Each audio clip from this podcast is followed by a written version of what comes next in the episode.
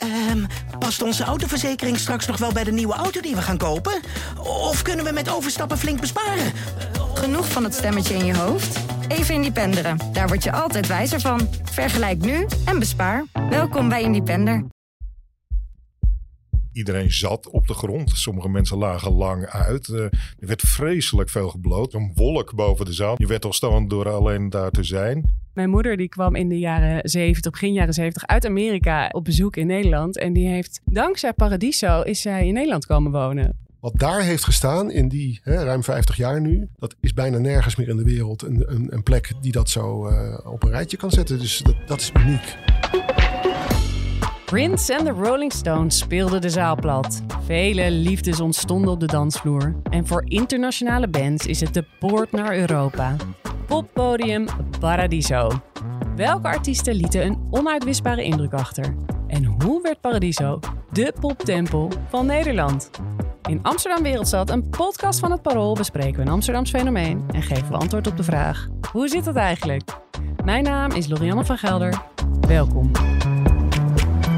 Vandaag betreden we Poptempel Paradiso, waar onze muziekrecensent Peter van Brummelen onder andere Prince legendarische aftershow zag. En een andere prins, Willem-Alexander, tegen het lijf liep bij een concert van de Rolling Stones. Daarover horen we natuurlijk graag zometeen meer. In ieder geval, welkom Peter. Dank je. En voor de verhalen achter de schermen is Geert van Italië aangeschoven. Jij was tien jaar adjunct directeur van Paradiso en daarna negen jaar algemeen directeur van de Melkweg. En in 2020 kwam je terug naar Paradiso, maar nu als algemeen directeur. Welkom Geert. Ja, dank je. Fijn dat je er bent. Peter, om met jou te beginnen. Dit is jouw debuut in de podcast. Ja, ik denk dat heel veel mensen uh, het, werk als muziekrecensent als een soort droombaan zouden zien. Kan jij iets vertellen over hoe dat werk uh, eruit ziet? Is dat inderdaad zo romantisch als mensen dat zich misschien voorstellen? Het is precies zo romantisch en dan nog romantisch. Nee, ik vind het, ik doe het dus al heel lang en ik vind het nog steeds even leuk. ik ben niet meer zo opgewonden als toen ik 18 was over popmuziek, maar ik volg het nog steeds uh, met heel veel liefde. En uh, naar concerten gaan vind ik eigenlijk het leukste wat er is. Nou op kunstgebied dan. Ja, maar om het over Paradiso te hebben, de poptempel. hoe vaak ben jij daar dan te vinden? Tegenwoordig? Ja, een stuk minder uh, dan vroeger. Toen ik net in Amsterdam kwam wonen, dan, uh, een van de grootste attracties was uh, dat ik dan in dezelfde stad woonde als waar Paradiso is gevestigd. En in die tijd kon je op de avond zelf nog besluiten van, oh die en die groep speelt daar, ik ga daar naartoe. Je kocht een kaartje aan de deur en dat was het. Nu, nu moet je maanden van tevoren gaan plannen wat je, wat je wilt gaan horen. En wat weet je nog van die allereerste keer Paradiso? Ik heb het net even opgezocht wanneer het was. Het was uh, uit mijn hoofd 15 februari 1975. Het was een concert van uh, Super Sister. Een, uh, zoals dat toen heette, progressieve rockgroep.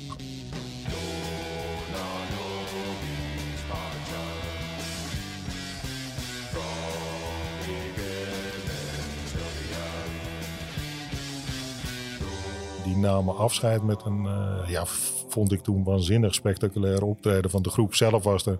Maar er stonden in mijn herinnering nog 50 mensen op het podium. Er was een Antilliaanse steeldrum uh, band bij. Maar er kwam op een gegeven ogenblik ook een uh, fanfare was er. Uh, er waren doedelzakken. Dat oh, klinkt heel spectaculair. Heel spectaculair. Ik stond met, met open mond stond ik dat allemaal te bekijken. Ja. En jij kwam daar als jongetje uit, uit de Bollenstreek? uit Hillegom, ja. En je ouders stonden je op te wachten na afloop van het concert? Ja, dat was de tijd dat als je naar de grote stad ging, dat je ouders zeiden pas op dat ze niks in je cola doen. En uh, die stonden toch wel, uh, stonden toch wel enigszins bezorgd uh, daar onderaan het trappetje van de ingang. alles is goed gegaan.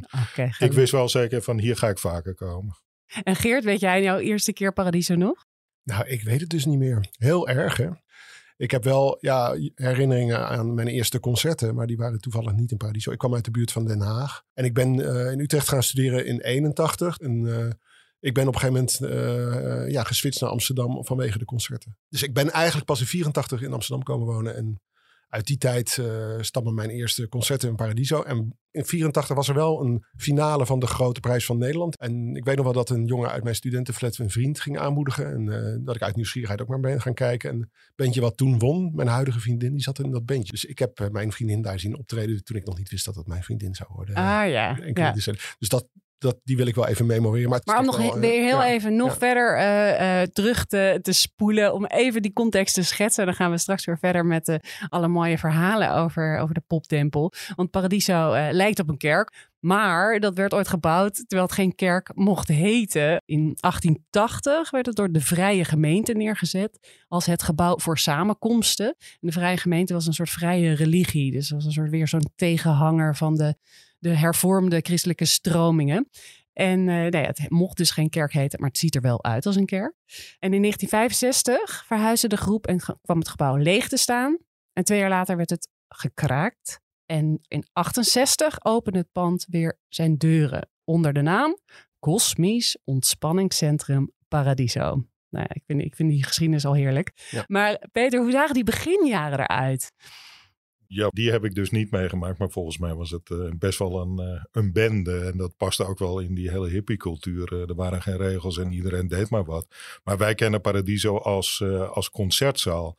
En ze zijn wel echt heel voortvarend van start gegaan. Een van de eerste dingen, groepen die erop trad was Pink Floyd. Maar als je dan kijkt wat daar verder is gebeurd, voor zover het te achterhalen is, waren er eigenlijk helemaal niet zoveel concerten. Het was meer een, een jongerencentrum. Het was een kosmisch Een ontspanningscentrum. kosmisch ontspanningscentrum waar dan vooral jongeren kwamen. Het viel vroeger ook onder jeugdzaken bij eh, Ja. de gemeente Amsterdam. Pas later is dat echt een, eh, een cultuurinstelling eh, geworden. Ja, kijk, in, bij dat concert van Super Sister waar ik was, heb ik nog net een staartje van die hippiecultuur eh, meegemaakt. Maar wat ik me herinner, iedereen zat op de grond. Sommige mensen lagen lang uit. Eh, er werd vreselijk veel gebloot. Er hing echt zo'n zo'n Super wolk stoned. zo'n wolk boven de zaal. Dat kun je echt niet meer voorstellen. Van, eh, je werd al stand door alleen daar te zijn. Ze hebben toen een enorme omslag gemaakt in die punktijd. En daarna weer is het echt het, eh, het geoliede, bed- geoliede bedrijf geworden wat we nu kennen. Je schetst wel iets moois, want eh, m- mijn moeder die kwam in de jaren 70, begin jaren 70 uit Amerika eh, op bezoek in Nederland. En die heeft, dankzij Paradiso, is zij in Nederland komen wonen. Oh, want daar, ja, ja, daar heeft ze een, eh, een man ontmoet en eh, dankzij hem is ze naar Nederland gekomen. dus zonder Paradi- Paradiso was ik er niet Nee, geweest. Nee, ja. nee, nee, nee, nee. ja, dus Oh, dat, eh, het is heel bijzonder. Ja. ja, dus dat is Ja, wel en een geinig De detail. Meest succesvolle concerten, eh, als ik het mag geloven, van Hans Dulver, de ook voormalig directeur, waren de jazzconcerten. Die verkochten de meeste tickets eh, vaak. Eh, dus Ja, dat waren ook ja, Ja. avonden waar mensen echt voor de artiest kwamen. Voor de. In die eerste jaren gingen mensen naar Paradiso Als als, plek. En Niet zozeer naar een concert. Ja, en dat gold eigenlijk ook wel voor de Melkweg, die natuurlijk een paar jaar later pas open ging. Het was een, meer een hangout. Het waren eigenlijk ook de twee grote coffeeshops van Amsterdam. Dat wordt een beetje verdoezeld in de geschiedenis. Dus het maar was dat is- een koffieshop, annex, chillplek. nou, er annex, kwamen heel eh, veel Duitse jongeren eh, een weekendje chillen, zoals het toen nog niet heette. Ja. Maar goed, eh, het was dus iets breder dan alleen zo'n hippieplek. Maar, maar Peter, je hebt ook wel eens opgeschreven dat juist eh, het, het beetje vasthouden aan, aan zo'n hippieplek, dat dat bijna de ondergang was eh, van Paradiso. Dat het, het punktijdperk net op tijd kwam en net op tijd omarmd werd. Ja, ze hebben echt een zware periode gehad. Eh, jij noemde ze al de Duitse hippies, dat dat eigenlijk de voornaamste bezoekers waren. En ik geloof ook dat ze bijna failliet zijn geweest. Eh, en die punk kwam als, eh, het was echt een redding voor Paradiso. En Maar van een, eh, zeg maar een koffieshop, eh, wat, wat voor sfeer werd het toen? Nee, ja, ik, ik weet eigenlijk. Ja, wat ik van de melkweg weet, dat was echt ja, met een huisdealer en, en kleedjes op de grond. En, eh, Ik denk Al- dat de Melkweg nog langer meer Ja, hippie is geweest. maar, maar allemaal Ja. getut en zo. Ja. En Paradiso werd toen echt al, eh, ja, dat werd helemaal wit eh, geschilderd. En dat werd weliswaar door die punks helemaal beklad met graffiti. Maar dat was een ander soort zaal. eh. ja, ik, ik hoor ook wel dat het soms wel grimmig was. Ja, door die zeker, sfeer, ja. door de Ja, dat heb ik ook wel eens gehoord. Ja, ik heb zo'n wel eens... an- ander soort drugs dan, eh Ja. dan wiet en. En, en Max Natkiel, een fotograaf, die heeft daar een heel, hele tijd bezoekers gefotografeerd. En als je dat boek nu ziet, dan denk je, wow, dat is eigenlijk helemaal niet zo leuk. Er liepen ook echt kinderen rond. eh, in een- Kinderen? ja, En junks. Ja, in een omgeving waar veel drugs werden gebruikt, waar veel gezopen werd en zo. Ja. Dat was grimmig hoor. Maar uit punk kwam New Wave voort. En dat was echt, echt ja, echt de, de popmuziek nam, eh, althans de- dat deel van de popmuziek nam een hele andere eh, wending. Toen werd het wel leuker en Ja. eh, En toen kwamen er ook nog allerlei andere stromingen Ja. meer op. eh, ja, zoals wereldmuziek, Afrikaans, Ja. reggae. Maar wanneer eh, werd het dan, zeg maar, wat het nu is, dat het heel strakker geregeld is? Nou ja, Peter, jij zei al van, eh, het is nu een, een geoliede machine.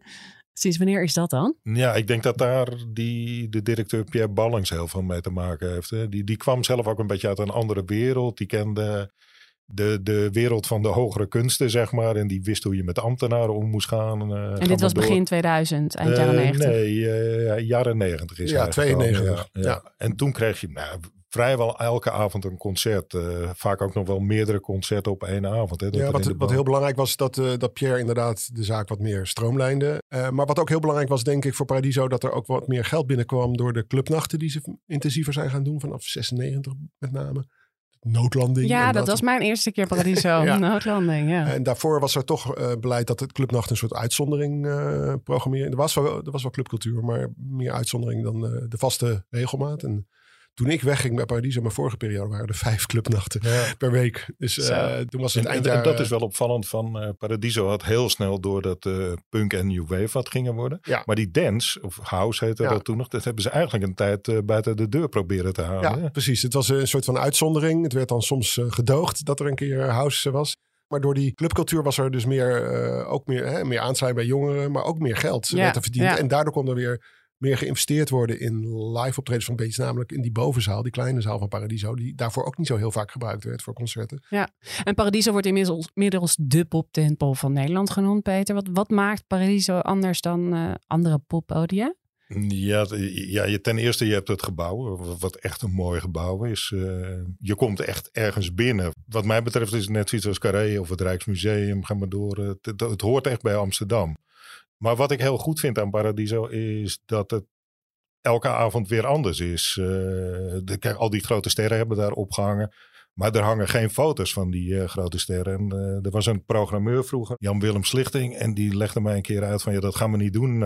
foto's van de Stones ophangen of van Prince. Want dan geef je bezoekers het idee, oh dit is die zaal van Prince.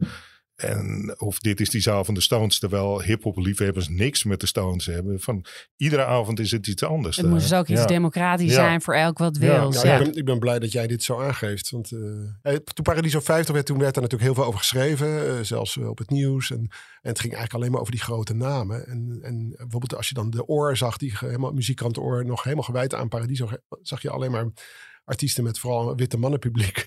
En uh, dat vond ik vooral pijnlijk voor al die programmering die, die er ook was. Hè? Dus uh, ja, wat je als voorbeeld doet, hip-hop, soulmuziek, uh, reggae, wereldmuziek. Ja. ja. en dat is ook Paradiso. Ja. En hoe kijken artiesten hierna? Staan ze echt in de, in de rij om bij jullie op te treden?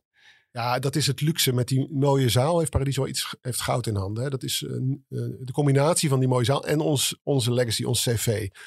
Want dat is waar, denk ik, toch een beetje onderscheiden te zijn, Paradiso, maar ook de Melkweg uh, zich in onderscheiden ten opzichte van die andere mooie gebouwen in de stad. Wat daar heeft gestaan in die hè, ruim 50 jaar nu, dat is bijna nergens meer in de wereld een, een, een plek die dat zo uh, op een rijtje kan zetten. Dus dat, dat is uniek. Maar ja, daar willen we niet in blijven hangen. Dus het is nu vooral ja, het legendarische, maar ook die zaal, die uitstraling. Maar waar ik laatst achter kwam, ik, we hebben sinds kort de Paradiso Koor. We willen allemaal meedoen, of een, een groot deel van ons... Uh, een zangkoor. Een zangkoor. Maar dan merk je pas hoe waanzinnig die akoestiek van die zaal is als je repeteert als koor oh, wow. midden in die zaal. Dus ik zit nu bij concerten, me, wat ik eigenlijk wel wist, maar nooit zo uh, van doordrongen was, is hoe hard het publiek kan klinken. Oh, het, zo. Je ja, dus ook wat je terugkrijgt als, als artiest, speler. Ja. Hè, mensen kunnen hard gillen, maar daar wordt het nog eens extra versterkt door de akoestiek van de zaal. En dan heb je ook nog zo'n balkon, wat dan, uh, zo'n tweede balkon, wat in 2003, dus toen ik net uh, daar werkte, uh, erin gehangen is. Pas later ingehangen. Waardoor je ook echt een sfeer krijgt. Want mensen zitten er bovenop hè, en dan de lawaai. Dus het is een, toch voor artiesten die natuurlijk al duizenden keer gespeeld hebben, een, een, toch een redelijk onvergetelijke avond om in, in, een volle paradiso op te treden. Maar waar wij ook onbekend staan, ook samen met de Melkweg overigens, is dat we eigenlijk vanaf die periode begin jaren tachtig, toen het heel erg opkwam, het aantal bands dat op tour was dat wij de eerste plek waren in Europa waar ze speelden. En dat was bijna standaard. Dus wij noemden onszelf ook de Gateway to Europe. En dat konden we gewoon waarmaken. Dus als je nu de documentaire over Nirvana zit in Paradiso, dan zie je die twee overgebleven leden, uh, Grohl en Novoselic, over, over een concert in Paradiso. En dan zeggen ze, ja, maar de Melkweg ook. Als gewoon de plek waar het publiek ze ontdekt heeft. En het heeft ook dus met de smaak van het Amsterdamse Nederlandse publiek te maken. Met name in die tijd, jaren 80, jaren 90. Dat, ja, wij, ja, we hadden een vrij nieuwsgierig publiek hier. Wat, uh, wat gewoon open stond voor nieuwe bandjes en nieuwe muziek. En dat was ook heel erg belangrijk, denk ik, voor de reputatie van Paradiso. Nou ja, laten we dan meteen naar die artiesten gaan. Uh, het is waarschijnlijk een onmogelijke vraag voor jou, Peter, want je bent er zo vaak geweest. Maar wat was jouw beste avond in Paradiso? Het is helemaal geen moeilijke vraag, want ik, ik, weet het meteen. Het is uh, D'Angelo in 2015.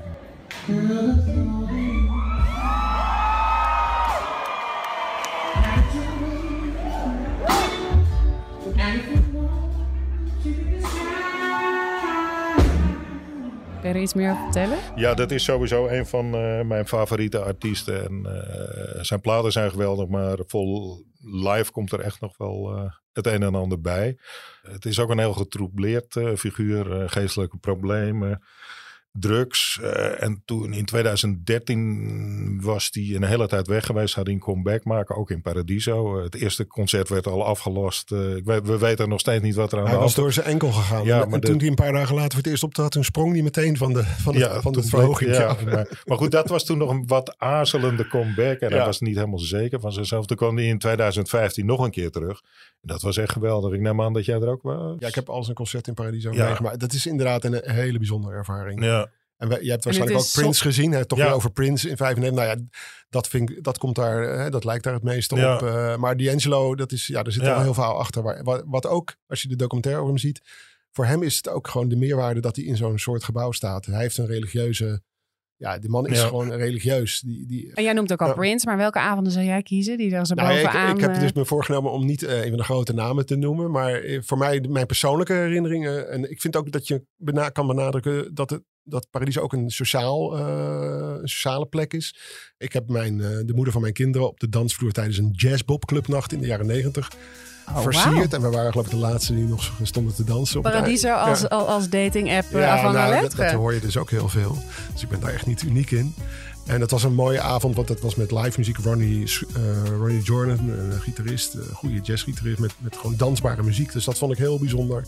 En ik ben een paar keer met mijn kinderen naar concerten geweest. Bijvoorbeeld de Roots heb ik met mijn zoontje gezien. Van, ik geloof dat hij 11 was of zo. De amper door had waar het over ging. Maar wel totaal verbijsterd. En dan zie je hoe, wat voor een impact dat heeft op je eigen kinderen.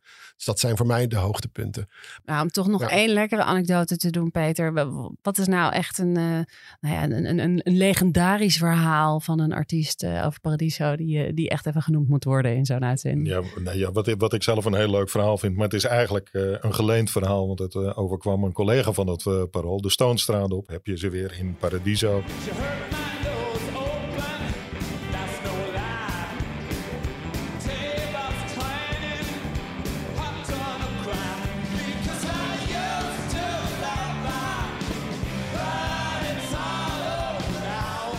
En ze waren eigenlijk al mega groot. Dus ja, voor ja, was nee, Paradiso eigenlijk heel nee, klein. dat was echt een soort Madurodam voor hun. Wat ik ook heel leuk vond om Welk te zien. jaar spreken we dan? Uh, wat, wanneer was dat? Uh, 95. Ja, ja, nee, ik stond best ja, echt helemaal vooraan. En ik zag dat Keith Richards zenuwachtig was. Ja, dat, dat, is wel heel grappig. Die, die waren dat ook helemaal niet gewend. Mensen zo, uh, zo dicht voor hun uh, snaten. Maar goed, ik was daar samen met mijn toenmalige collega Jerry Gozens. ik zou de recensie doen. Hij zou een sfeerverhaal maken. En wij hoorden dat op het bovenste balkon kon uh, Willem-Alexander zou staan, toen nog prins. En ja, dus stond hij met, uh, met, zijn, uh, met zijn vriendin Emily. En toen is Jerry naar boven gegaan en dacht, ik wil met die man in contact komen. Maar ja, dat lukt natuurlijk nooit. Als journalist. Er waren ook beveiligers bij en zo. Maar hij was dan met, met zijn jaarclub of zoiets. En Jerry heeft zich voorgedaan als uh, Amerikaanse toerist. En die was een beetje met die gasten gaan houden hoeren in, in, uh, in het Engels. En uh, ik kreeg een biertje en dit en dat. En toen was hij zo naast Willem-Alexander geschoven. En, uh, ja, toen ging Willem-Alexander, die regelde dat hij nog een biertje kreeg. Maar toen had een van de jongens uh, rond Willem-Alexander gezegd... Do you know this is gonna be our king? Dus uh, Jerry weer in het arm. He says you're gonna be the king. It's fucking awesome. En dit en dat. En toen raakte Willem-Alexander toch wel een beetje zenuwachtig van uh, wie heeft dat gezegd en zo. Maar ja, ze zijn gewoon de hele avond wezen kletsen. Maar... De sterke verhalen over Paradiso. Het hele verhaal is echt gebeurd. Ja, ja. maar en, en dan achter de schermen. Uh, het is echt een soort, ja, ook bijna een urban legend dat artiesten altijd blauwe M&M's willen.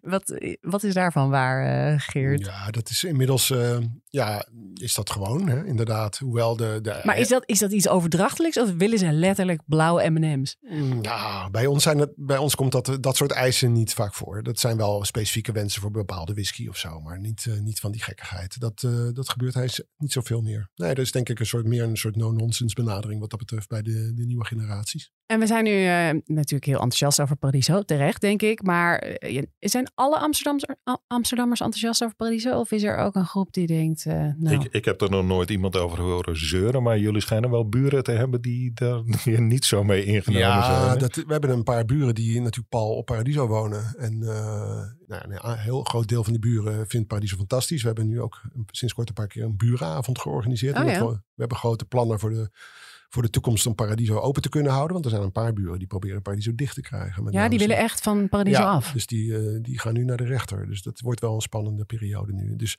En dat gaat dus over geluidsoverlast vooral. Ja, en eh, ja, het gaat vooral om de mensen op straat. Maar ja, dat- er staan soms lange rijen natuurlijk. Ja, maar vooral s'nachts als mensen weggaan ook. Dus dat, eh, maar dat is niet alleen Paradiso. eh, publiek, dat is Dat gewoon is hele Leidseplein. Leidseplein Ja, natuurlijk, dus ja. dat is eh, lastig te managen. Maar de- daar stoppen we nu eh, heel veel geld in om daar heel veel mensen orde te laten handhaven s'nachts.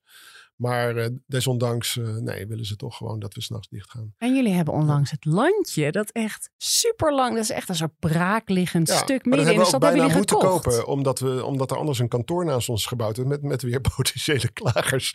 Dus we dachten, nou dan kunnen we het beter zelf kopen en daar iets ook neerzetten waar we wat aan hebben. En ook als een soort buffer tussen met name de mensen die aan die kant wonen. Dus dan gaan jullie ook op dat terrein bouwen, dan komt daar een soort ingang? Of hoe moeten we Nou, het we, voor hebben, we hebben zelf een- meteen een schets gemaakt toen we onderkenden dat dat moest gebeuren. Eh, om, om ook Paradiso eh, geluidstechnisch te isoleren, moest, er, moest de hele fundering vernieuwd worden. Dus toen hebben we een mooi idee ontwikkeld en dat al meteen bij de politiek neergelegd, die allemaal heel enthousiast waren. Alleen er was geen geld. En nog steeds nu, twee jaar later, is er nog steeds geen geld. De stad heeft het gewoon moeilijk in dat opzicht.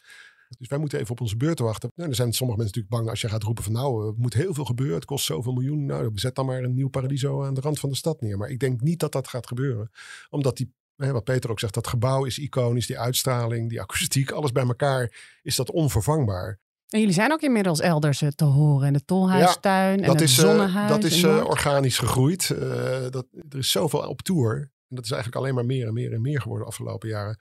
Dus we hebben een prachtig netwerk van zalen die, eh, waar we mee samenwerken. We zijn zelf de tolhuistuin eh, gaan runnen. Samen met een aantal horeca-ondernemers. Hoe komt het eigenlijk? jullie zijn in de hele stad aanwezig tegenwoordig. Maar niet in, de, in Zuidoost, terwijl daar toch heel veel muziek is. Eh, ja, we, we hebben. Ja, dat, dat is goed dat je dat zegt. We hadden een, eh, bijna een, een plek waar we mee zouden samenwerken. Alleen die ging failliet tijdens corona. Dus het is gewoon een, een particuliere club. Daar ja, zouden dus- jullie gaan programmeren. ook. ja, of als partner eh, ondersteunen of helpen. En eh, ja, het, probleem met Zuidoost is dat er nu geen echte goede locatie is. En het is best moeilijk. En eh, nu is er weer een pop-up locatie waar we misschien eh, ook kunnen helpen. En een fantastische hip-hop school in het winkelcentrum waar we aan verbonden zijn indirect.